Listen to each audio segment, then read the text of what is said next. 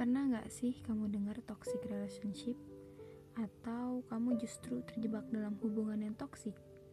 Hal yang paling mengerikan dari toxic relationship adalah ketika kamu gak sadar kalau kamu lagi ada di posisi itu.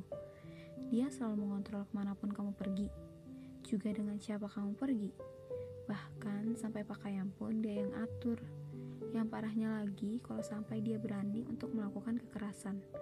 Rasanya tidak ada satu hari pun yang terlewatkan tanpa bertengkar.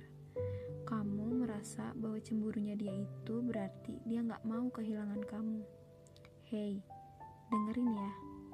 Hidup kamu adalah milikmu. Kalau dia gak mau nerima kamu apa adanya, tinggalin. Stop sama dia yang gak bikin kamu bahagia. Kamu berhak bahagia, masih banyak orang yang mau bikin kamu bahagia. Not to self, love yourself first. This is Pau Pau Podcast.